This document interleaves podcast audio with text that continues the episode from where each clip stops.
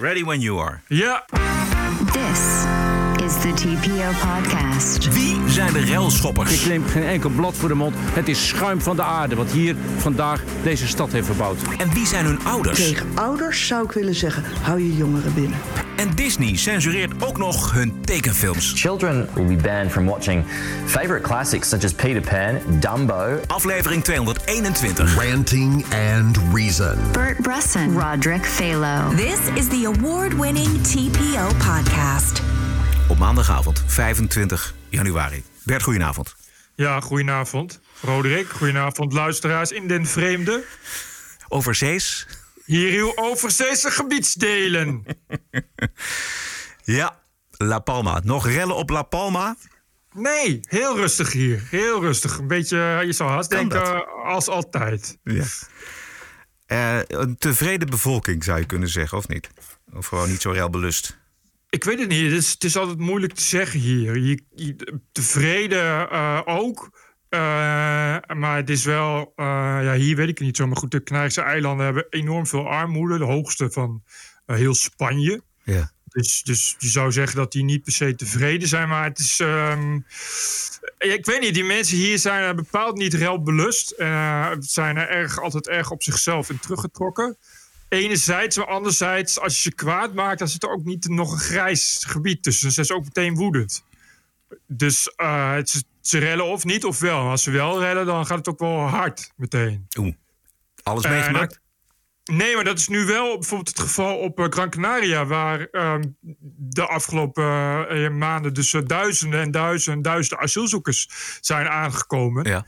Eh, en je raadt het nooit, heel veel van die asielzoekers zijn geen echt asielzoekers, maar Marokkaanse jongeren Ja. uit Marokko. Ja. Eh, het is heel gek. Die gedragen zich op Gran precies hetzelfde als dat ze zich in bijvoorbeeld Nederland gedragen. Oftewel, ze stelen winkels leeg en ze vallen vrouwen lastig. En ze doen aan groepskopschopperijen op parkeerplaatsen en dat soort dingen. En dat gebeurt bijvoorbeeld allemaal, Roderick, in jouw prachtige Mogan.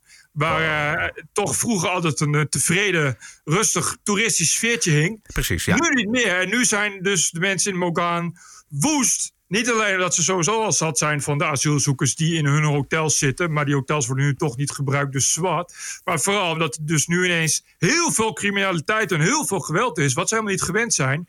Eh, wat natuurlijk ja, de goede naam en eer van een toeristenstad aantast. Waarom gedragen die gasten zich zo? Dat zijn Marokkanen uit een bepaald gebied, eh, het uh, Rifgebergte onder andere.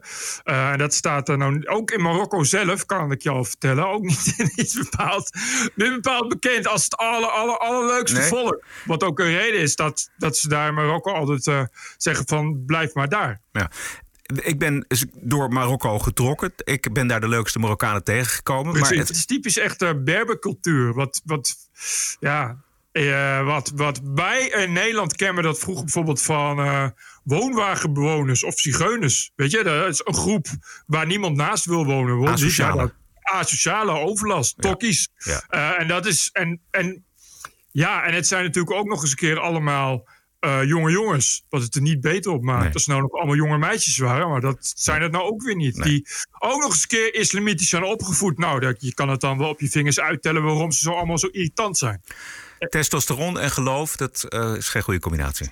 Nou ja, en, en een, en een achterlijke, achterlijke cultuur, Ja. een achterlijke opvoeding. Letter, vrij letterlijk hoor. Je hebt die wel ook. Sommigen komen echt ja, uit, uit, uit de bergen, uit het platteland, waar, Mhm. uh, waar het nogal, uh, nogal heel erg vroeger is, zou ik maar zeggen.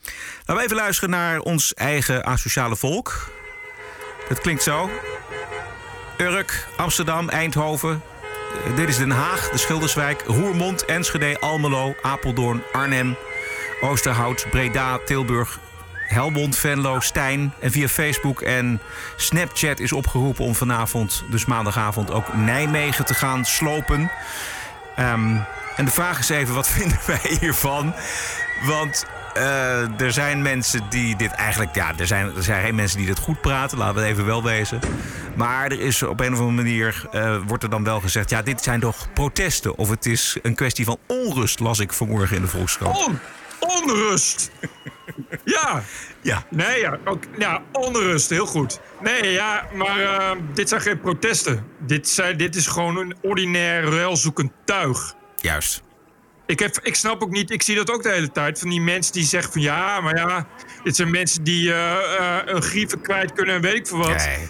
Dat, maar dat zijn deze mensen niet. Het, het is wel zo dat er staan mensen, net als op het Museumplein, stond op een gegeven moment 1500 mensen. Nou, mag niet, dus zegt de burgemeester, stuur de ME erop af. Oké, dan komt de ME en van die 1500 mensen eh, gaan er dan 1200 ook weer weg. En dan blijven er 300 over, of 400 of 500, ik weet het niet. Die één ding willen en dat is vechten met de ME. Ja. En dat is gebouwen slopen en auto's in de fik zetten. En natuurlijk winkels plunderen. Want niet zo rechtvaardig als een winkel plunderen. Burgemeester John Jorritsma van Eindhoven, VVD, die had het over het schuim van de aarde. Oftewel de lowlifes, het tuig of jongeren, zoals sommige mensen zeggen. Ja, dit, dit zijn eh, surrealistische situaties die je hier niet in Nederland verwacht. Hier is hier niemand gekomen om te demonstreren. Wat hier kwam, dat is allemaal gekomen om de boel om relden te trappen. En vanaf het eerste moment om 1 uur, toen de politie een groep van mensen aansprak, toen was het al gelijk eh, eh, stokken, wapens, van allerlei rotzooi achteruit de jassen halen en er gelijk opgaan. En vanaf dat moment is het gewoon geëxplodeerd. Ik neem geen enkel blad voor de mond. Het is schuim van de aarde wat hier vandaag deze stad heeft verbouwd. Er werden met messen eh, gegooid, er werden met molotovcocktails gegooid, er werd van alles. Dit was echt het schuim van de aarde wat hier geprobeerd heeft de boel te molesteren. Ik ben bang dat als wij met elkaar op deze weg, eh, weg zijn, dan zijn we op weg naar burgeroorlog. Dit is echt niet meer te harde. Dan moeten we het leger inzetten. Ja, dit had hij allemaal niet mogen zeggen. Nee, foei! Hij had zijn verantwoordelijkheid moeten eh, weten, dus dat je dit soort dingen niet zegt. Oh. Maar eh, ja, de, de man eh, komt. Hij heeft gewoon gelijk. Hij heeft gewoon gelijk. En dit heeft hij allemaal zelf met eigen ogen gezien. Hij is een van de burgemeesters die er gewoon zelf is gaan kijken. Is enorm geschrokken van de agressie en van de vernielzucht. En dan weer, hè, je mag het dus niet zeggen. Maar dit, terwijl, dit is hetzelfde tuig waar we al jarenlang veel last van hebben. Met elke oudejaarsavond.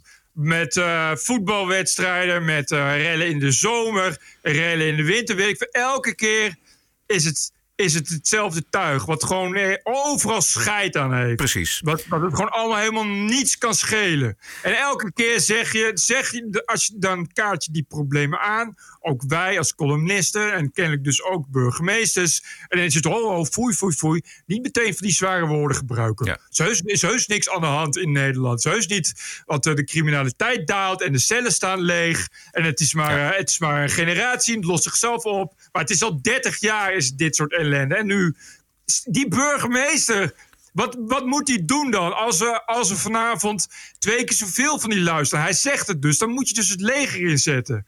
Hij- wa- hoeveel politie denk je dat hij heeft? De- je denkt dat de afgelopen jaren de politie is bijgekomen in Eindhoven? Nou, ik denk het niet. En als je kijkt, Bert, hoe die politie worden bekogeld... niet alleen met stenen, maar ook met molotovcocktails... met messen en met ploerdoders. En die paarden die gaan eraan. En Ja. het is niet om aan te zien. En ik denk inderdaad ook, zet het leger in.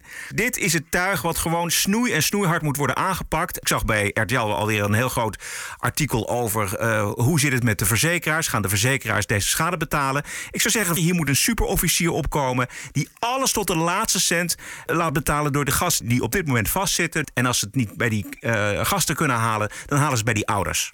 Ja, maar ik, ik, ik zou meteen zeggen, zet het leger in. Dit is, die lui willen een veldslag. Oh, je kan gewoon onbeperkt los op de politie. En, weet je, het is, het is allemaal oké. En hier vinden ze dat echt heel raar. Als je in Madrid gaat rellen en, en je gaat met een groepje los op één politieman... dan kan ik je vertellen dat het heel anders afloopt dan in Nederland. In de jaren 80 hebben we het vorige week over gehad. Tijdens de, de krakersrellen. Ik kan de Vondelstraat nog heel goed herinneren dat daar eh, van die tankwagens, eh, blauwe tankwagens, Ja. barricades aan het opruimen waren. En dat moet gewoon weer gebeuren. Je moet er gewoon echt vol in. En volgens mij zijn er genoeg marechaussées en, en mariniers... wiens handen jeuken als ze dit zien. Weet je, dus volgens mij eh, is er vol- zijn er voldoende mensen die je daarvoor kunt inzetten. En ik zou zeggen, eh, ik pak er in plaats van een waterkanon een grindkanon... en zet inderdaad die blauwe... Ja, maar serieus...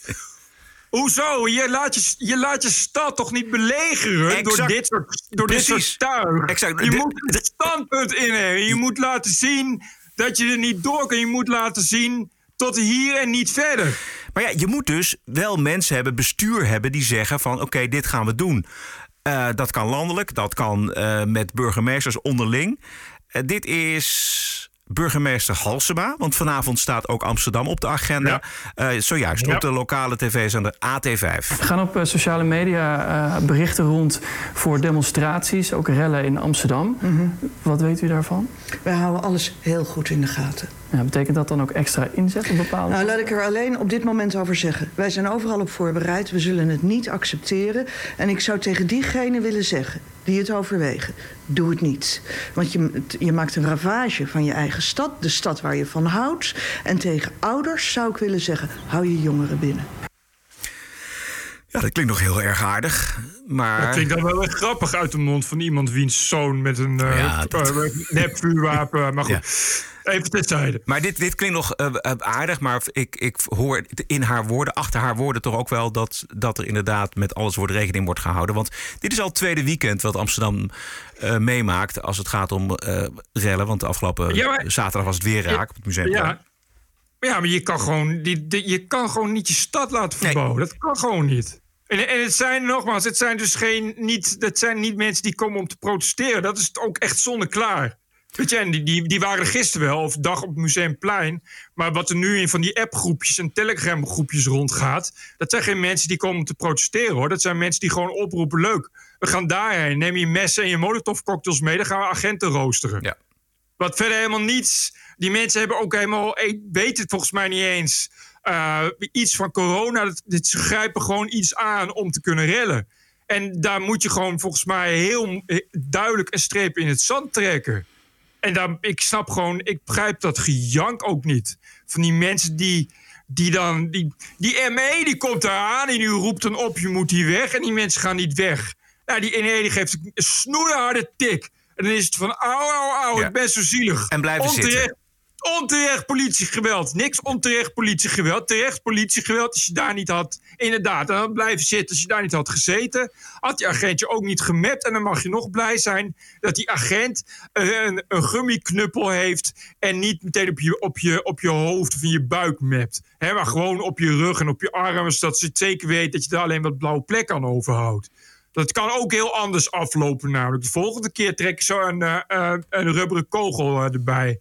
Van dichtbij. En als je die op je hoofd krijgt, dan ben je nog niet klaar. Maar ook dat zal in Nederland niet snel gebeuren. Dat is, we hebben gewoon geen slagkracht tegen dit soort dingen. Ik zag vanmiddag Rutte, die zegt... Foei, we gaan ze een poepie laten ruiken. En dan weet ik... 90% van die mensen wordt niet eens opgepakt en niet opgespoord omdat er geen capaciteit is. Omdat er een hele grote stapel met aangiftes nog ligt. En degene die wel opgespoord worden en opgepakt, daarvoor krijgt een groot gedeelte, wordt geseponeerd. Omdat ze te lang moeten wachten op een rechtszaak. Omdat er te weinig capaciteit is bij de rechters en de officieren van justitie door corona. Dus uiteindelijk staat 5% van die railschoppers voor de rechter. En wat krijgen die dan? Een voorwaardelijke taakstraf. Ja. Rutte eh, zei het ietsje anders, namelijk zo. Het heeft niets te maken met protesteren. Het is eh, crimineel geweld en dat zullen we ook als zodanig behandelen. Het heeft ook niets te maken wat we zagen met strijden voor de vrijheid. We nemen al deze maatregelen niet voor onze lol. We doen dat omdat we vechten tegen het virus en het is het virus wat ons de vrijheid op dit moment beneemt. En door dat virus moeten we die rotmaatregelen nemen, zoals de scholen dicht op dit moment. Eh, de avondklok, het feit dat we elkaar minder kunnen zien, dat we anderhalve meter afstand moeten houden. En we moeten die strijd tegen het virus winnen, want alleen zo krijgen we onze vrijheid terug. Oké, dat is dan een premier, maar hij, had het, hij zei het wel, crimineel geweld. Je moest eens weten hoeveel in Nederland slachtoffers er rondlopen van crimineel geweld. Ja. Die hebben gezien hoe een dader tussen, tussen de mazen van het, van het net doorglipte. En dat is precies het gevoel wat ook die mensen, die railschoppers hebben, want ze kunnen alles maken. Het is, je moet gewoon kunnen zeggen: iedereen die we vanavond oppakken bij een rel gaat gewoon 15 jaar de bak in.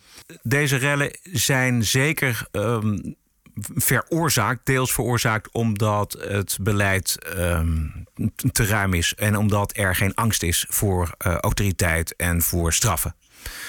Dus ja, ehm, als we dit anders willen, dan moeten we partijen kiezen die aan de slag gaan met een veel strenger beleid op dit gebied, op het gebied van criminelen. En als dat niet gebeurt, ja, dan kun je of hier blijven en het accepteren, of je kunt, eh, zoals Bert gedaan heeft, verhuizen. Ik kan, dat, eh, kan dat iedereen aanraden. Het is ook serieus fijn om te weten dat als je hier wat doet, dat je wel gewoon de cel in gaat. Ja. ja. Dat is, ik, ja, ik, eh, je, dat, je, dat vind ik echt. Ik, dat is ook. eh we hadden het vorige keer over eh partijprogramma van de PVV. Ja. Dat er ook dingen in staan waar we nou niet echt achter staan. En waar je ook moeilijk achter kunt staan ooit, zou ik maar zeggen. Ja. Maar eh, de pagina's over, over de rechtsstaatherinrichting ben ik het volkomen mee eens. Dat is, Namelijk, dat, wat zeggen ze? nou ja, die zeggen dus dit soort dingen. Gewoon, gewoon je moet criminelen keihard aanpakken. Je moet mensen gewoon, eh, die, die, die moeten gewoon weten dat ze lang de cel in gaan. Er, er, moet gewoon, er moet gewoon werk worden gemaakt van, van, ja, van rechtvaardigheid. Van meer rechtvaardigheidsgevoel. En, en minder, minder laf, lafge ouwe hoer van, van, van, eh, van, van de rechters... die nog eens een keer extra kijken of er misschien wel verzachtende omstandigheden zijn. Je moet gewoon weten dat als je, als je gaat rellen... dat als je een ziekenhuis de ruiten ingooit... dan moet je gewoon weten dat je fout bent. En dan moet je ook zo worden behandeld als fout. Weet je, net, als, net als die lui in Tsjechië die een ober Juist. hebben mishandeld. Exact. Ik die zitten nu voor wat Ja. vier jaar vast Ja. in de Tsjechische cel. Heel goed. En reken maar dat als ze uit de Tsjechische cel komen... dat ze dan hebben geleerd dat je één ding niet doet... en dat is een ober mishandelen in Tsjechië. Precies, in Praag. Ik hoorde vandaag het verhaal van een, ehm, man van 70 die over een zebra liep, niet hard genoeg voor een eh, bepaalde automobilist. En die automobilist toeterde en er, eh, eruit en die eh, man van 70 een duw geven. Eh, degene van wie ik het hoorde, die eh, sprong daarvoor. Het idee dat je alles kunt maken, dat je de baas bent van de straat. En dat is wat we eigenlijk nu zien de afgelopen dagen. En wat we misschien nog Ja. gaan zien. Deze mensen die, die wanen zich in het idee dat zij de baas op straat zijn. En ze dagen de politie uit om dat te bewijzen. Ja, dat, klopt. Maar ze voelen zich ook de baas op straat. Ze voelen, zich, ze voelen zich ook in, op de gewone dagen de baas op straat. Dit is al 30 jaar gaande. En al 30 jaar wordt het onder het tapijt geveegd en ontkend. En het ligt echt niet alleen aan de allochtonen, zo bedoel ik het helemaal niet. Maar we hebben wel een steeds grotere onderklasse gecreëerd. Dit is precies waar iedereen al die tijd voor heeft gewaarschuwd. Dit is precies. Het gebeurde al veel eerder in Londen en in Parijs en eh, op andere steden. Nou, in Nederland gebeurt dat niet. Want in Nederland hebben we de politie hebben haarvaten in de samenleving. Huh, huh, Hier, wijkagenten en buurtvaders. Huh, Hier gaat alles goed. Nou, nee, dus hoor. Hier is het tuig precies zo. En dan kan Rutger Brechtman nog honderd boekjes verkopen dat iedereen deugt. Maar godverdomme, lang niet iedereen deugt in Nederland. Nee. Ook niet in Urk. Nee, nou helemaal niet. Goeie genade.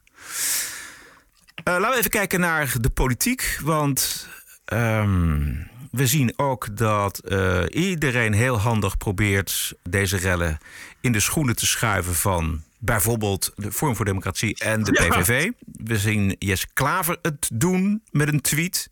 Jesse Klaver maakte de vergelijking met Trump. En die is natuurlijk, dat is natuurlijk een hele eh, prettige. Want dat is namelijk bewezen dat als je oproept tot verzet, dat je Ja. dan eh, oproept tot geweld. Hè, dat is dan min of meer bewezen en dat hebben we allemaal geaccepteerd. En de vraag is: eh, is het terecht? Nee, maar ik, ik begreep het ook niet. Ik, misschien heb ik het gemist, maar eh, eh, ja, FVD is, is stevig aan de weg aan het timmeren. Eh, inderdaad, verzetje en dat soort dingen. De tweet van FVD is de volgende. Dit is de tweede avond dat Rutte Nederland opsluit. FVD blijft zich verzetten. We blijven iedere dag stilstaan bij deze onacceptabele inperking van onze vrijheid. Steeds meer mensen keren zich tegen de avondklok. Alleen samen krijgen we onze vrijheid terug. Stem 17 maart FVD.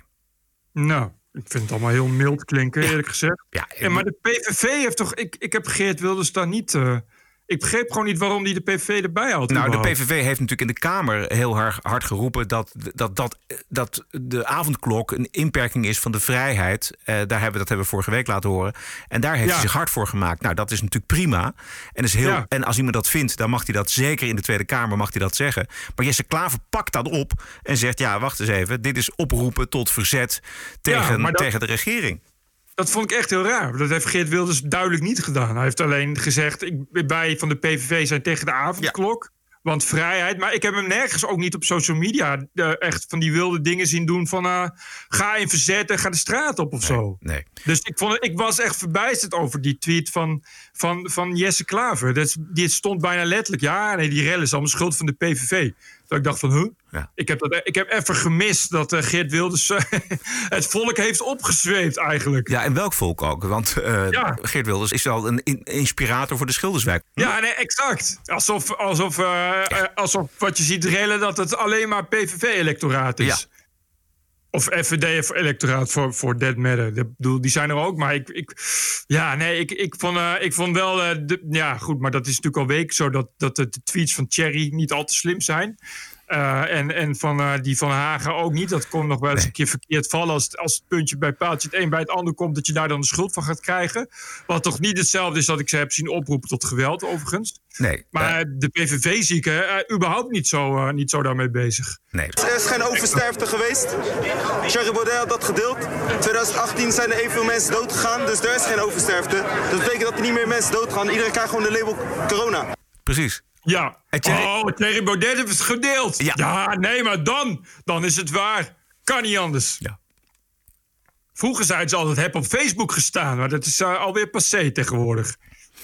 is iets anders wat ik, eh, eh, waar ik wel in kan komen. Dat, is, dat was een, Ton F. van Dijk tweette dat. Het grootste probleem op dit moment zijn niet per se de maatregelen zoals de tijdelijke avondklok, maar het gevoel dat het kabinet niet zorgt voor een zinderend snel vaccinatieprogramma. Ja. En dat is helemaal waar. Want het, heel erg waar. het is niet te geloven dat Nederland nog geen 150.000 mensen gevaccineerd heeft. En in diezelfde tijd heeft Groot- Groot-Brittannië al bijna 5,5 miljoen mensen gevaccineerd.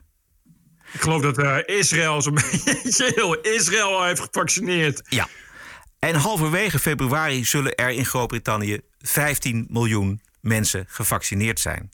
En de grote vraag is: wat moeten we in hemelsnaam met dit amateurisme in Nederland? Want het, het ja. nieuws, het nieuws van vanavond is dat AstraZeneca, waar, waar Nederland dan zijn zinnen op heeft gezet. En dat zegt eh, Hugo de Jonge dan, de minister. Ja, ze hebben een probleem met, met de productie. En dus eh, gaat het tempo van vaccineren ook nog eens verder omlaag. Ja, dus dus het gaat nog veel langzamer dan het al ging. Dit kabinet regelt het niet. Wel in Israël, wel in Groot-Brittannië. Ja, het kan dus wel. Het kan dus wel, Ja. maar dan moet, dan moet je wel. Dan moet je dus. Ja, maar goed, het zijn ook beide landen die je noemt, zijn ook landen die in vroege tijden dat ook al, eh, al, eh, al prima deden. Ik bedoel, Ja. Groot-Brittannië, toen, de, toen de, in de Tweede Wereldoorlog, was toch een land eh, wat wel uh, dapper stand hield, zal ik maar zeggen. Ja. Eh, en in Israël, eh, nou, ik zou geen oorlog willen voeren met Israël, laat ik het zo zeggen. Dus ook niet tegen een virus. Die zeggen meteen: oké, dan gaan we nu alles op alles zetten om dat te regelen. En, en ja, ik weet, niet hoe, ik weet niet hoe Boris Johnson dit allemaal heeft geregeld. Maar het gaat wel verdacht snel in, in Groot-Brittannië. Dus, maar het klopt wel wat, wat Ton en van Dijk eh, twitterde. Namelijk, eh, er- het, zou, het zou een ander verhaal zijn. Weet je wel, mensen krijgen het, hebben het gevoel van: oké, we hebben een overheid die hier werk voor maakt. Alles op alles zet. En, en dat gebeurt gewoon niet. Het, het is gewoon Nee, overleg en slap en, en praten en uitleggen in eh, talkshows. En mensen hebben het gevoel dat, er gewoon, dat de overheid geen richting geeft, geen regie heeft over deze crisis. Talkshows, ja, Ja. precies. Maar dat. eh, Talkshows waar die aan een essentieel beroep worden genoemd. Televisie, essentieel beroep. Die mogen wel tijdens de avondklok bij elkaar zitten. Ja. Dat schept vertrouwen. Nee, maar ik, ik vind ook echt... eh, die mensen die demonstreren, begrijp ik wel. Ik bedoel, Ja. dat die mensen eh, woest zijn. Ik begrijp ook, als je ondernemer bent, zou ik ook woest zijn. Ja. Ja, Al helemaal als er nog geen winkel wordt geplunderd. Ja. Ik ga even, we gaan even naar de peilingen kijken. Want het zijn weliswaar dagkoers, maar het eh, waren toch een aantal interessante verschuivingen. Dat D66 half uurtje, dat kost D66 twee zetels in de laatste peilingen van Maurice de Hond.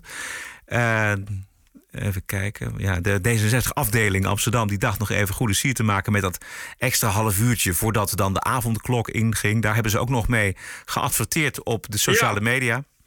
dat was misschien niet zo'n goed idee. dat heeft ze een hele zetel gekost, denk Oh Ja, ik. ja. Terecht, Ja. terecht. Terecht, terecht. Dus even kijken, ik heb het hier de lijst bij me. D66 levert er twee in. Eh, Partij van de Arbeid krijgt er één. CDA krijgt er één bij.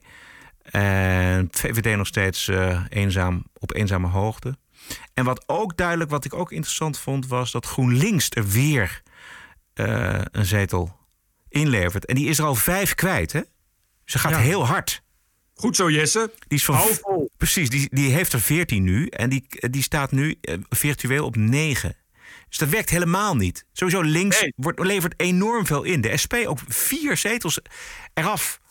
Ja, SP sowieso al tijden eh, in een duikvlucht. Ja. En onzi- onzichtbaar. Ik Ja. zeg echt ook sowieso SP iemand. Hallo, iemand SP? Nee, het zegt me helemaal niks. Nooit van gehoord wie. Eh, en eh, kijk, GroenLinks, en dat is ook een beetje een probleem. Kijk, dat die Jesse, die ik zat gisteren naar zijn video te kijken. die stond net online. Dat was dan een van de 15 minuten de propagandamonoloog van een of andere ledencongres.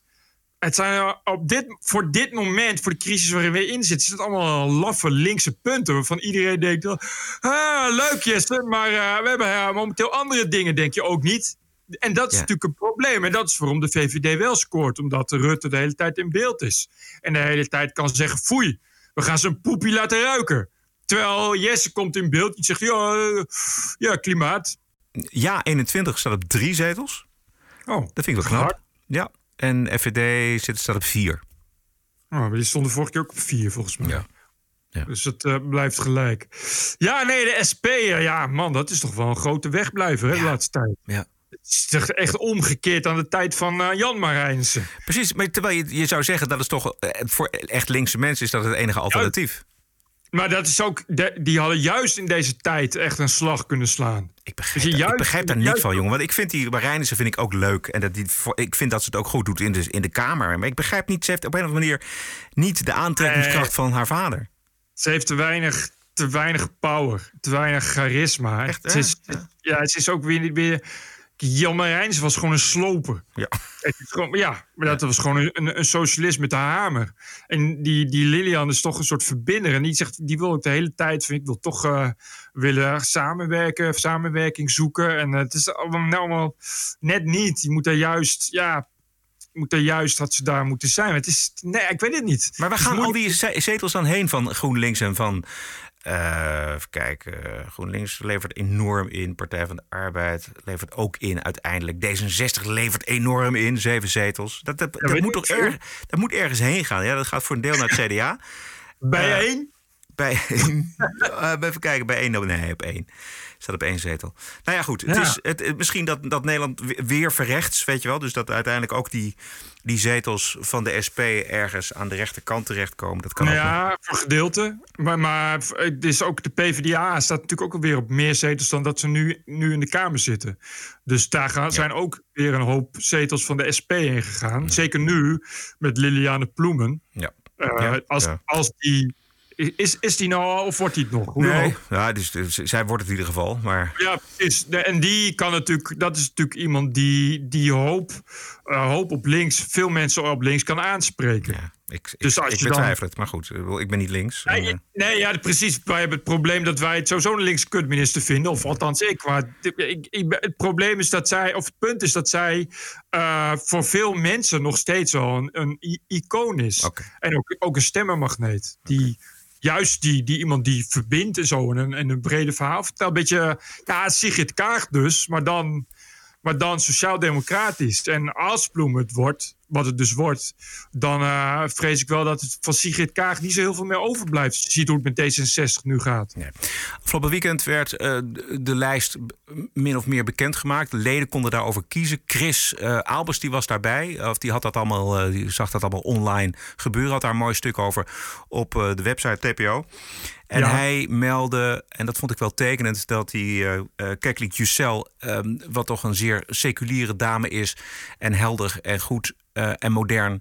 dat hij het niet heeft gehaald op die lijst... En Nee. eh, dat vond ik het wel tekenend voor eh, Ja. dat de Partij van de Arbeid toch zal kiezen voor Ja. diversiteit, inclusie, al, dat, al die bullshit. En eh, ja, het dus de afslag mist om een moderne linkse seculiere partij te worden. Ja, dat, dat vrij links, dat, dat, is, Ja. eh, dat is gewoon niet welkom. Dat wordt afgeserveerd. Ja. Nee, dat, dat is duidelijk dat ze nog steeds...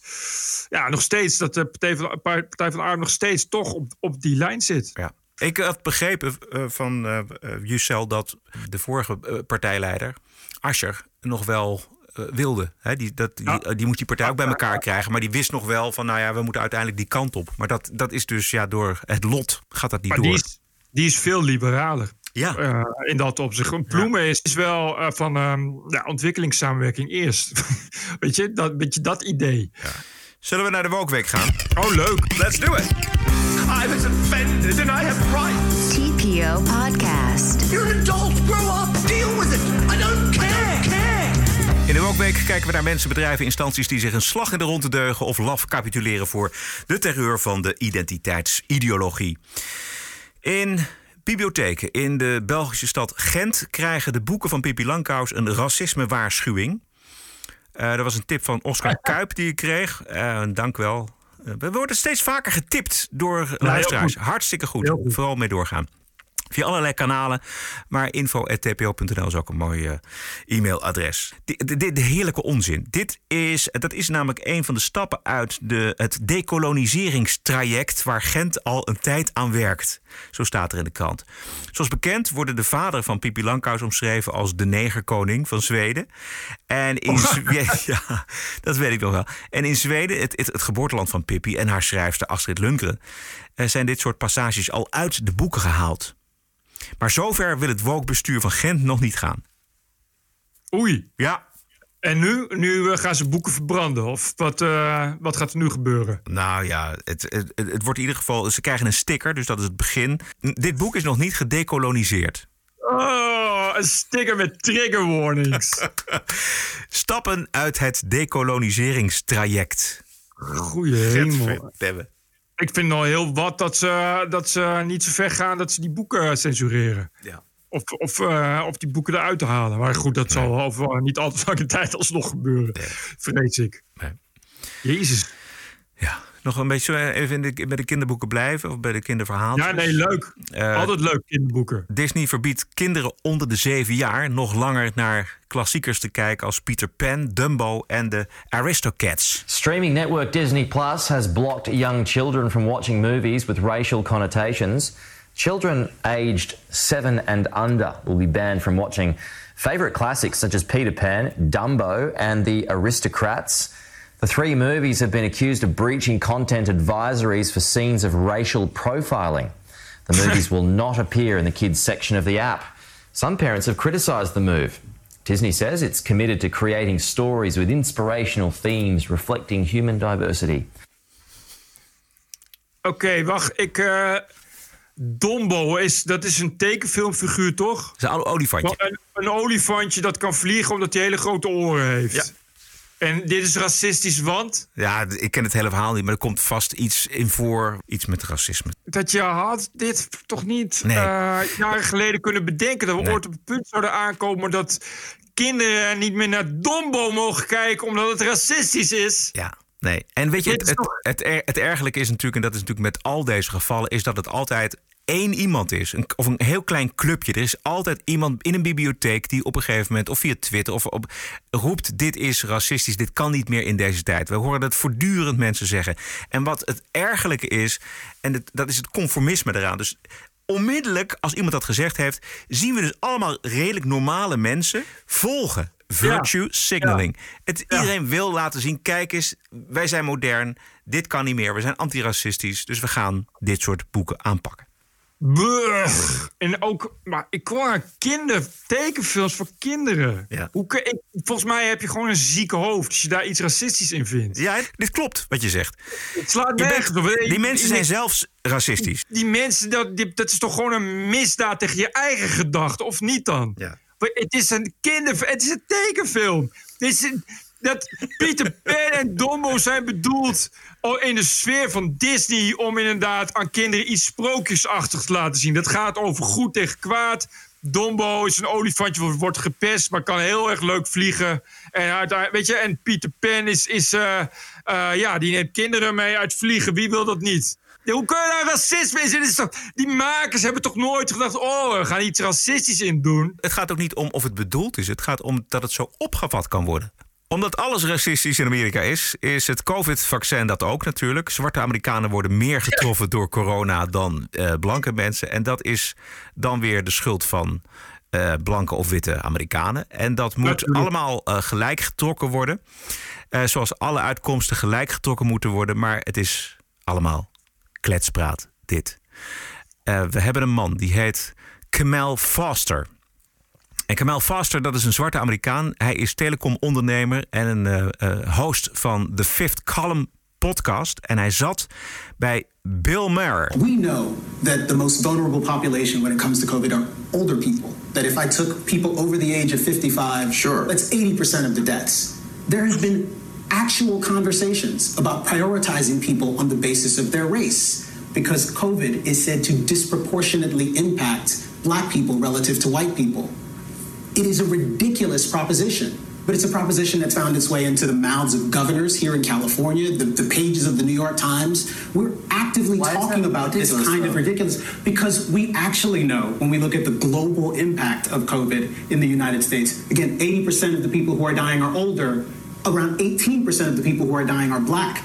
A life lost to COVID is a life that matters. And we can focus on the people who are vulnerable without making this about race. Making it about race only obscures the actual issue. If and you it's separate, to help, if be you helpful. separate race from economic insecurity, sure, Hij wordt onderbroken door een journalist die heet Peter Hambill.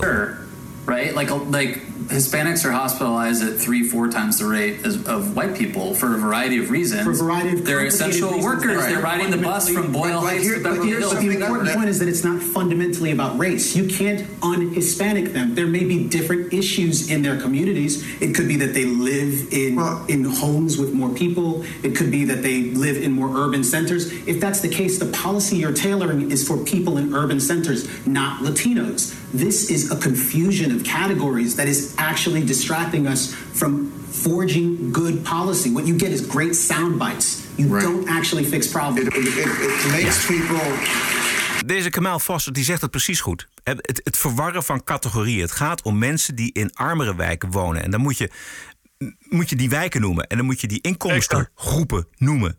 Nee, Exact. de woke-ideologen gaat het om zwart tegen wit. Latino tegen wit. Dat is de ziekte die wij woke noemen. Het gif. Het gif. Van woke. Ja, ik, eh, maar precies. Want als je het, als je het, wat hij ook zegt, als je, het, als je het om een ras laat gaan, dan- maak je het zelf racistisch. Juist. Ik, ik bedoel, het gaat gewoon niet om een ras. Het is niet, dat virus selecteert niet op, eh, op huidskleur of zo. Nee. Het ja, het is nou. eh, eh, het is inderdaad zo dat dan een Latino-cultuur of zwarte cultuur. Dat die eh, eh, tegenover de blanke cultuur vaker in, in slechtere leefomstandigheden wonen. In elk geval in eh, steden in Amerika. Precies, en dat wel? is de reden. Ja, dus daarom komt daar vaker virus. Misschien, eh, ja, eh, ze zijn eh, andere eetcultuur. Er zijn miljard dingen die, die, die daaraan bijdragen. Ja, precies. Maar waar het die, die woke-idealisten om gaat, is dat het dezelfde uitkomst moet hebben. Dus zij willen het liefst nog zien, dat hebben we volgens mij één keer eerder genoemd, dat er heel veel, bijvoorbeeld witte, blanke, oude vandaag doodgaan. Want dan krijg je tenminste ja. de boel gelijk. Ja. Dan krijg je het aantal doden gelijk. Nou, succes met het aan het virus vertellen. Hebben we er nog eentje? Of jij? Even, even kijken, want ik. Ja, eh, fuck, ik ben mijn bril vergeten. Dus ik moet even dichter bij de, de mail. Want dit is die mail eh, iemand. En ik weet niet eh, of het leuk genoeg is, maar daar kunnen we altijd nog uitstellen. Ja.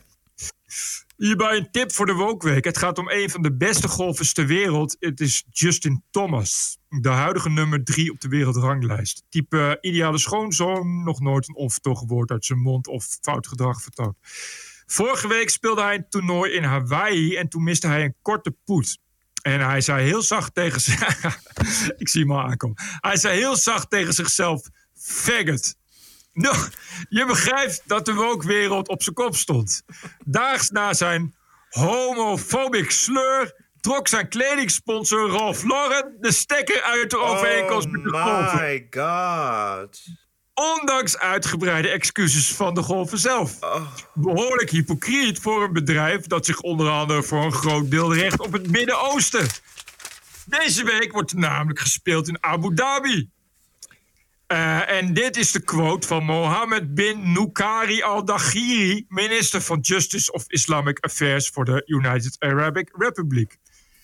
Er, zijn geen, er zal geen plaats zijn voor homoseksuele en queer acts in de Verenigde Arabische eh, Emiraten. Onze samenleving accepteert geen vreemd gedrag, nog in woord, nog in actie. En dat is dus het land waar kledingsponsor Ralph Lauren heel veel geld aan verdient. Dat spreekt voor alle landen van het Midden-Oosten en hun standpunt over homoseksualiteit is natuurlijk duidelijk. Wat de vraag oproept: Hoe rijmt Ralph Lauren het ontbinden van een kledingdeal met de nummer 3 op de wereldranglijst? Terwijl het ondertussen gewoon de vruchten blijft plukken van de enorme verkoopvolumes in landen die gevangenisstraffen en zelfs doodvonnissen aan homoseksuelen opleggen. Heerlijk voorbeeld, geweldig. Dit, ja, ja, Woke is zo extreem hypocriet. We vorige week hebben we natuurlijk uh, uh, Unilever gehad. Uh, Unilever die hier trom roffelt op de LBGTQ homorechten, transrechten, maar wel in Iran zit. En daar worden homo's opgehangen. En dat ze blijven, daar horen we de Unilevers niet over. We kregen vandaag trouwens nog een stukje over Unilever uit een, een artikel Follow the Money. Het gaat over dat in Kenia um, op plantages wordt gewerkt uh, van Unilever.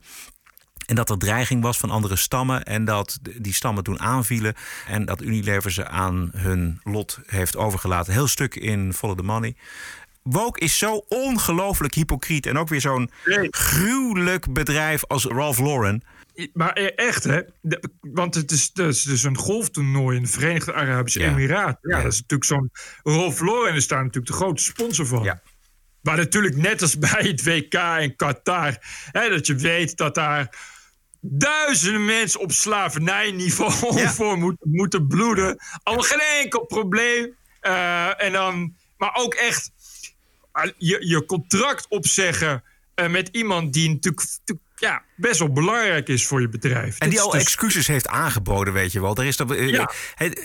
even, dat vind ik al heel wat, weet je wel. Je mag natuurlijk zeggen wat je wil. En, en je mag, wil, als dat voor jou een scheldwoord is, dan is het voor jou een scheldwoord. Nou ja, zo so wat. Komt heel oprecht, komt dat naar boven. Um, maar, maar, als hij dan ook nog zijn excuus aanbiedt en je hebt dan het lef als luxe merk om dan te zeggen: ja, maar wij gaan dan toch het uh, contract ontbinden. Nou, wat een. Wat een... Maar ook Alsof je niet gewoon al jaren samenwerkt. Hè? Ja. Alsof je niet gewoon al jaren uh, wederzijds. Rolf Lauren, ja, als, als geen enkele golfspeler uh, Rolf Lauren draagt, dan was Rolf Lauren nu niet een bekend merk voor kakkers, zou ik ja, maar zeggen. Precies, ja. Dus ja, weet je, dus alsof je ook niets hebt gedaan, uh, niets hebt verdiend als zo iemand zegt: Oh nee, nee, dus er zijn een paar mensen op Twitter die zeggen dat je homofoob bent. Oh, dan gaan we meteen contact op zeggen. Ja. Je zou toch niet willen dat je nu nog kleding koopt of kleding, kleding hebt van Ralph Lauren? Dat flik je toch gewoon weg? ik zou inderdaad uh, zeggen, als je nu nog Ralph Lauren hebt, gooi het uit je kast. Huppatee, weg ermee. De fik erin. weg ermee. Geweldig voorbeeld. Heeft u ook woke-voorbeelden? Schrijf ze gerust. Ons uh, e-mailadres is info.tpo.nl. TPO Podcast. Geen subsidie, geen commerciële invloed. De TPO-podcast is onafhankelijk geluid en bestaat dankzij donaties, ondersteuning. Twee keer per week. Ranting and Reason. En één keer per week, elke maandagavond, vanavond dus, kijken wij hoe de waarde van twee afleveringen wordt ingeschat door onze luisteraars. En lezen wij de reacties die er zijn, als die er zijn. Waardeer ik al op tpo.nl slash podcast. En schrijven mag via info.tpo.nl. We moeten vanavond uh, uh, speciaal doneren voor iemand anders. Oh. Uh, ik zal het uitleggen. Uh, wij hebben elke podcast verschijnt uh, eigenlijk altijd heel snel, ook op YouTube, in een mooi gemonteerde video. en er is iemand die dat doet, zomaar gratis voor ons, Julian. Julian doet dat ook omdat het toch al zijn dagelijks werk is. Hij monteert de hele dag video's. Dus dan, maar nu heeft hij zijn videokaart van zijn computer is kapot. En ja, hij moet dus een, nieuwe videokaart, maar hij heeft eigenlijk ook een nieuwe computer nodig. En ja, toen heb ik gezegd, weet je wat, als jij een nieuwe computer nodig hebt, ook om, omdat je onze filmpjes doneert, dan is het wel een, een, leuk idee als wij dan zorgen dat we even voor jou doneren. Ja.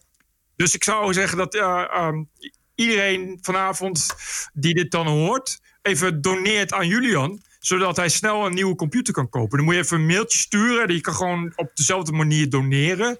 Maar dan normaal stuur je een mailtje met... Uh, hup, Roderick en Bed, geweldig. En nu, hup, Julian, hier, voor je computer. 10.000 euro of zo.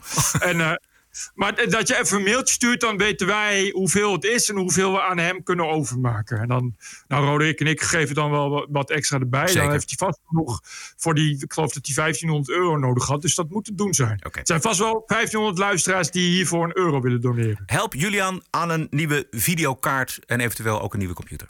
Waardeer ik al op tpo.nl slash podcast. Chris van der Oort schrijft... Heren van de podcast, 1. Na recent gedoneerd te hebben, is het luisterplezier nog verder toegenomen. Ik heb gedoneerd uit de schuldgevoel. Ik luister altijd en had nooit eerder betaald voor wat ik consumeerde. Denkfout blijkt nu. Juist als je mede verantwoordelijk bent voor het voortbestaan, luister je met dubbel genot. Ja, is zo. En zeker niet alleen als je het roerend met jullie eens bent. Twee, lachen is inderdaad, zoals Roderick al zei, een belangrijke strategie om om te gaan met gekte en waan. Ik heb nog een tip en dat is de Zwitserse podcast Echo der Zeit.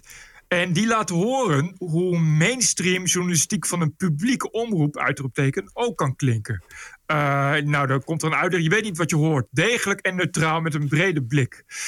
Uh, ik heb veel familie in de VS. Ben de afgelopen 15 jaar 10% van de tijd daar. En daar luister ik ook naar jullie. Inschattingen over de giftige invloed van identity politics en woke ideology in de VS zijn bijna niet te overschatten. En als je het mij vraagt, zijn we in Nederland nog maar net begonnen. Hartelijke groeten, Chris van der Oort. Chris, dankjewel. Maarten Verhoeven. De pijn die een Hollander voelt wanneer hij moet betalen voor iets dat je eigenlijk ook gratis kan krijgen, is niet te begrijpen. Maar het geluk dat ik ervaar wanneer er weer een podcast online staat, is echter ook moeilijk onder woorden te brengen. Op een gegeven moment waag je dan toch de sprong in het diepe en maak je 104 euro over. het voelt goed. Ik kan het iedereen aanraden. Bert Roderick, bedankt. De podcast is leuk om naar te luisteren. Er zit vaart in en is informatief. Goed, veel succes verder. Maak er wat moois van. Je mag het voorlezen, hoeft niet. Maarten Verhoeven. Maarten Verhoeven. Je, je hebt het zo mooi onder woorden gebracht. We hebben het voorgelezen. Dankjewel. Ja, precies. Frits van der Lep. Goedemiddag, heren Velo en Brussen. Bijgaat, zoals toegezegd, de nieuwjaarstoeslag. Dank alweer voor de fijne podcast van januari. Ook heb ik met veel plezier naar 2020 door de ogen van Roderick geluisterd. Wat is dat, Roderick? Hmm. Weet jij uh, waar het op gaat? Oh. Nee. Anyway, ik zou zeggen, vooral zo doorgaan. Groetnis Frits van der Lep. Dankjewel, Frits. Henry Stork uit Markelo. Beste Roderick en Bert. Met veel plezier luister ik naar jullie podcast. Vooral als Bert losgaat en weer iets idioots doortrekt naar een hele andere situatie, waardoor meteen helder is hoe enorm mis het allemaal is. Roderick kan Bert een beetje binnen de lijntjes houden en daardoor is het allemaal nog amusanter. Ik maak me wel zorgen dat er geen normale mensen rondlopen, maar dat komt meer omdat onze vrienden allemaal een echte wookkrant lezen en daar alleen maar hun mening uithalen. Gelukkig is het dan jullie podcast en ik hoop dat er jongere generaties zijn, want wij zijn van 1943, die geen kranten meer lezen, maar een informatie uit dit soort podcasts halen. Hierbij 52 euro gedoneerd en ga zo door. Henry Stork uit Markelo. Top Henry, dank je. Jan de Porter. Bert en Roderick, ik heb zojuist een donatie gedaan van 25 euro. Ik wilde uiteraard meer doneren, maar dat zit er niet altijd in. Zeker in de coronatijd is het een genot om naar jullie te luisteren en het commentaar wat jullie te geven te spiegelen aan de MSM. Oh ja, Bert, ik luister toch ook nog wel graag naar de podcast van NSC Vandaag, de meest woke courant van Nederland. Dat mag. Ga zo door en ik blijf luisteren en doneren. Vriendelijke groet, Jan de Porter. Jan de Porter, dankjewel. Ik, kreeg ook ik nog... heb nog één. Grappig. Ja. Uh, die is nou ook heel grappig. Dat is namelijk van Paul Chung. En de naam doet inderdaad vermoeden dat het om een Aziat gaat. En hij gaat nu uitleggen dat het zo is. Als een ras-echte Aziat van Oosterse komaf met Rotterdamse roots... was ik zeer onutst door de vele L-uitspraken van Bert en Roderick... tijdens de laatste uitzending. En graag de volgende keer rekening houden met onze gevoelens. Bert, met vriendelijke gloed, Paul Chung. Heeft uh, 104 euro gedoneerd. En dat dus, dus ja, bedankt voor, het, uh, voor 104 euro. Uh. Geweldig. Ik kreeg ook nog twee steunbetuigingen via LinkedIn. Peter heeft 150 euro gedoneerd. Geweldig bedankt, Peter. En Niels Hamoen, die schreef: Wij emigreren naar Denemarken in maart. Niet omdat we Nederlands zat zijn, want de wookdeugers zijn daar ook. Maar omdat we daar ons, daar ons bedrijf gaan ontwikkelen. En dat bedrijf dat heet Tolnebakker Camping. Ze gaan een camping beginnen blijkbaar. We blijven jullie volgen en geven door hoe Denemarken politiek zich verhoudt. Dank Bert oh, en dank Roderick. een nieuwe correspondent in Denemarken. En dat is Niels Hamoen. Of Niels Hamoen. Leuk Alright. laat wat van je horen. Bent u ook een ondernemer en op zoek naar een goed doel? Heeft u sympathie voor de TPO-podcast? Dan willen wij u graag helpen met dat goede doel. Want wij zijn namelijk het goede doel. Mail ons info.tpo.nl en waarderen kan op tpo.nl slash podcast. Want zoals deze is er maar één. Dit is de TPO-podcast. Een eigenzinnige kijk op het nieuws en de nieuwsmedia. Elke dinsdag en elke vrijdag. Twee keer per week. Het hele jaar door. Zonder reclame en zonder een cent subsidie. 100% onafhankelijk.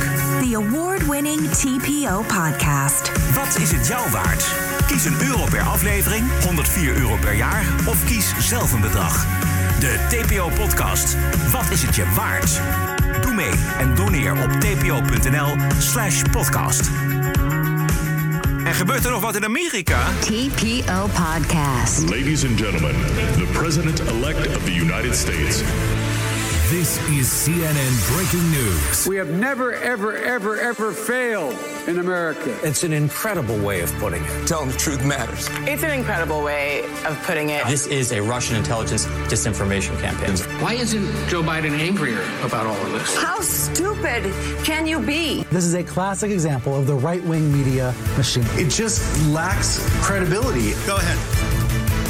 Amerikaans president Joe Biden is uh, still alive en kicking out Trump policy. Zo heeft Biden het vanavond nog uh, mogelijk gemaakt dat transgenders weer kunnen meevechten in het Amerikaanse leger. Het zou wel belangrijk zijn, anders was het uh, niet een van de eerste decreten van de beste man. Ja. maar de reden voor zo'n maatregel is zo week, zo woke, zo weeg. Want hij ja, schrijft dan: een inclusief leger is een effectiever leger. Ach. Dat is, Weet je, dat is zulke onzin. Het is prima dat die mensen in het leger kunnen. Dat is allemaal geen enkel probleem. Maar om dan te zeggen. Een inclusief leger is een effectiever leger. Dat slaat echt. Dat is. Uh, Alle gelul. Het is totaal volgens mij gelul. Een leger wat goed in trekken kan overhalen. is een effectief leger. Ja, dat, heeft, dat is helemaal geen bewijs voor. Met... Dus dat is weer zo'n gezellige propagandaterm. Wat heeft het ook überhaupt ik, wat heeft dat, dat, die, dat hele inclusiviteitsgeloof met het leger te maken? Ja, goed. Uh, dat heeft te maken. Ja, Trump heeft er ooit uh, vier jaar geleden, geloof ik, of drie jaar geleden, heeft hij gezegd: oh. van, nou, dat gaan we niet doen, of wat dat is in, uh, onhandig, of dat zorgt voor. nou ja, dat ja, willen hij niet. Problemen mee. Ja, waren dan problemen mee. Ik weet ook niet precies welke. Maar goed, een van de eerste maatregelen van Joe Biden is dus dat transgenders weer terug kunnen in het leger. Nou, fijn, prima. Uh, en Biden heeft ook een eerste transgender minister, Rachel oh ja, Levine. Zij wordt staatssecretaris voor volksgezondheid. Is ook prima natuurlijk, maar het is allemaal heel erg voor de bühne van Biden. Ja, het is, uh, het is deugen, hè? Deugen, deugen, ja, deugen. Het is, is hartstikke deugen, ja. Iets serieuzers is dat niet alleen de Amerikaanse samenleving diep gepolariseerd is, maar ook de media. Dat weten we natuurlijk. Rechts is Fox. Links kijkt naar MSNBC, CNN en de rest. Maar overal daalt het vertrouwen in de mainstream media. Nieuwe cijfers tonen aan dat nog maar 46% van de Amerikanen gelooft, vertrouwt wat de mainstream media meldt. Hoe reageren de mainstream media op dat nieuwe wantrouwen? Luister naar de Amerikaanse journalist Glenn Greenwald daarover gisteravond op Fox. This has been taking place for years. If you look at the bar graph of how many people trust the corporate media, the establishment media in the United States, it's been dropping precipitously over the course of many years. And when they do talk about it, they do one of three things. Either they complain about it and say that it's unjust that they've lost trust, as though they they are divinely entitled to have it, or number two, they blame others who criticize their reporting, their bad reporting, as though they're being unfairly vilified. And when that doesn't work, what they're doing now is a third response, which is trying to censor their critics and those who are actually inspiring trust by saying, kick these people off the internet, their audience is too big, censor these people, throw their platform off the internet. They know that they're losing faith and trust. The one thing they never do, Maria, is ask what it is that they've done that is causing the public to lose faith and trust. And rather than do that, yeah. they're now at the point where they're advocating censorship to force the audience to listen to them. Dit is zo spijker heer, heer. op de kop. Echt, maar echt. Ja. Het is precies dit. Het is precies dit. Ja. ja. Dus het is. het- het- eerst zeggen ze nee, het is niet eerlijk. Het klopt niet. De kritiek op ons klopt niet. Dan zeggen ze. eh, de kritiek op ons is gevaarlijk. Hè, je mag niet, hè, want dan, dan speel je dus eh, eh, rechts en Trump in de kaart. En nu is het de kritiek moeten we maar beter censureren. eh, weg van social media, weg van Twitter, et cetera. Ja, ja, nee, dat is, dan moet de alternatieve media moet van het internet af. Want eh dat is allemaal nepnieuws en eh, weet ik veel. Terwijl, Nou ja, en wat jij gisteren, wat jij vorige week dus eh, zei, van, eh, dat CNN al bezig is om Fox eh, weg te krijgen Ja. uit bepaalde Ja. delen van Amerika. Nee, gewoon, maar gewoon oproepen, hè? gewoon aan kabelmaatschappijen oproepen van nou, dit moet weg. Ja. Nee, maar terwijl je, je zou denken als het dus zo'n enorme hoeveelheid aan alternatieve media is, dat het dan ergens ook aan jezelf ligt. Maar dat, het, het lukt gewoon niet. Die, die, die journalistieke kasten is ook zo arrogant geworden. Dat, dat er gewoon geen kritiek komt gewoon niet meer binnen. Zelf, en Dat zelfonderzoek lukt niet meer. We hebben we- dat hebben we vaker gezegd. Dus we hebben dus vier jaar geleden hebben we die brief gehad van de hoofdredacteur van het New York Times. En daar is het bij gebleven. En je merkt het ook als je. ehm, ah, vorige week hebben we het nog gemerkt toen. Omtzigt eh, had gezegd van het, het, het leugt niet, die parlementaire eh, journalistiek, eh, die zit veel te dicht op die, op die politici. Dat zijn veel te veel vrienden.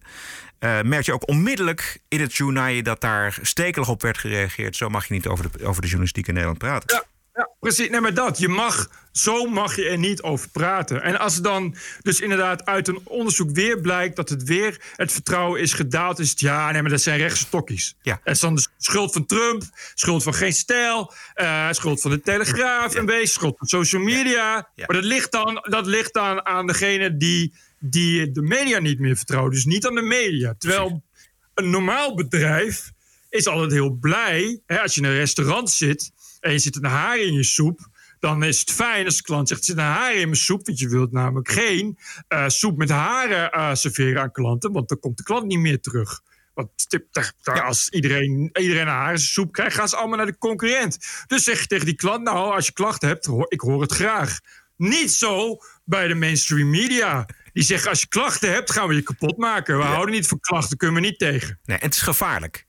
Gevaarlijk. Dan roep je op, dan roep je op tot eh, ja, geweld en, eh, en eh, gevaar. Dan, speel je de, dan ben je antidemocratisch. Want dan speel je antidemocratische krachten in de kaart. Ja, de Greenwald had het weer helemaal bij het rechte eind. Gebeurde tegelijkertijd toch ook weer iets raars bij de New York Times. Dat zal je ongetwijfeld ook gelezen hebben, Bert.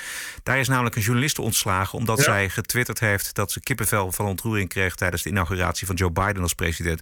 En verder noemden ze Trump kleinzielig en kinderachtig. Nee, nee, nee, Nee? helemaal. Oh? Ze, nee, ze, het probleem was dat ze eh, reeds debunked nepnieuws twitterde.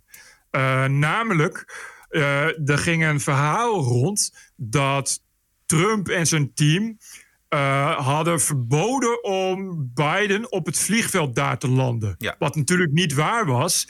En dat heeft ze getwitterd. Ze heeft ge- op het moment dat Biden landde, twitterde ze: oh, ik hou mijn hart vast wat er nu gaat gebeuren. Met daarbij dat, eh, een plaatje van dat verhaal. En Oh. daar, daar is toen die ophef over ontstaan. Omdat zij als journaliste eh, ja, niet, niet dat soort dingen moet gaan twitteren natuurlijk. Want het, is, want het was dus al bewezen nepnieuws. Oh, oké. Dus om, vanwege nepnieuws. Want ik dacht eventjes dat de, zeg maar de, de, de, het enthousiasme voor Biden... dat dat haar Nee, nee, nee. ontslag had gekost. Want dat, dat had ik raar gevonden.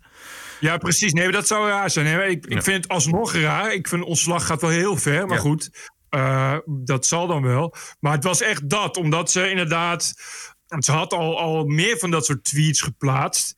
Eh, maar op dat, kijk, op, op dat moment, het heeft gewoon heel veel volgers. En het, wa, het was van dat typische nepnieuws... waarvan iedereen al had gezien, dit is nepnieuws. En je mag van de New York Times natuurlijk wel verwachten dat zij dat weten. Ja.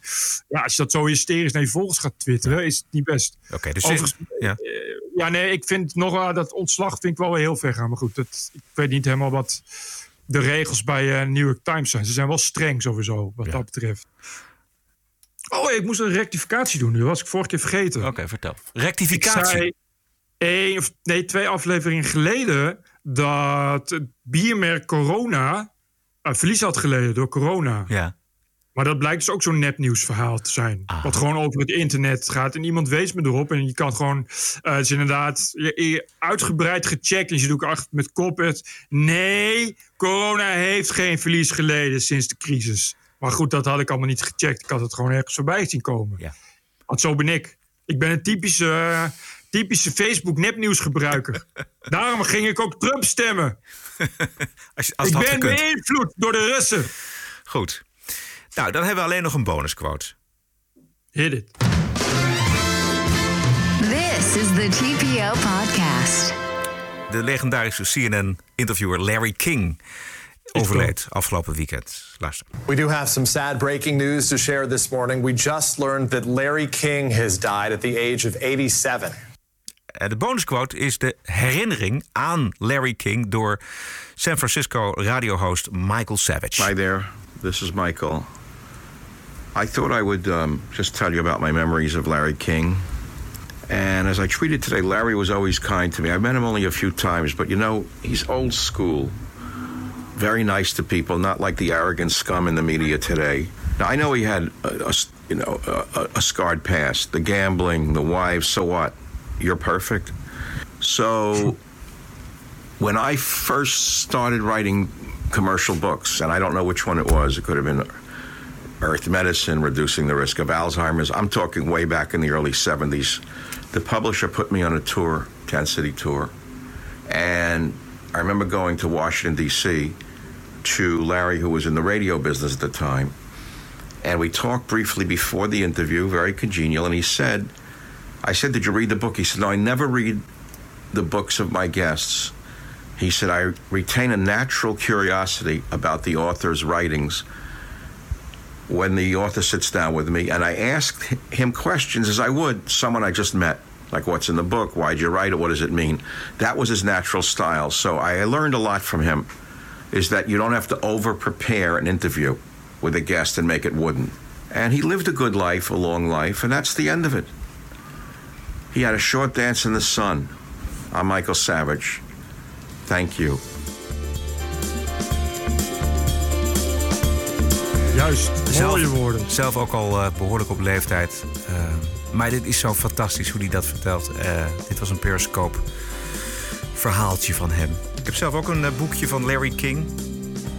How to Talk to Anyone, Anytime, Anywhere. Uit 1984. Je hebt het misschien ook wel. The Secrets of a Good Communications.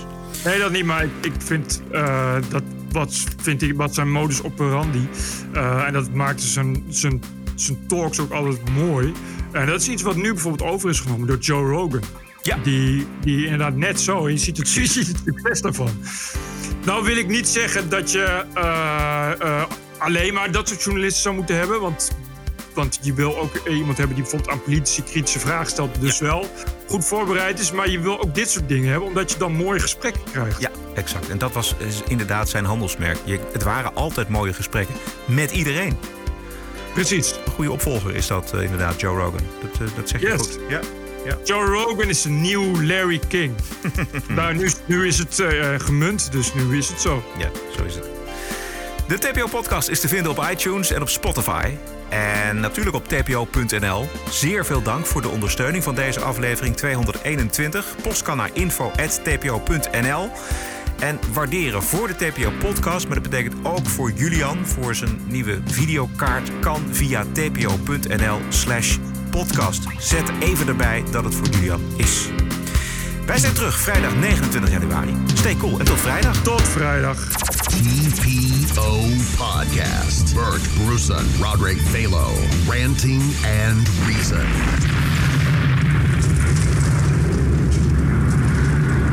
It's a mystery. It's actually fantastic. You sit in a radio studio, you do a show, and either they tell you you're fired or they give you a raise. You don't know why. Some numbers somewhere tell them whether you're doing good or And so the whole thing is mystically impossible to comprehend. Do you understand this? How amazing this is? Podcasting is the TPO podcast in the Netherlands. Bert and Roderick. What a show. I'm telling you.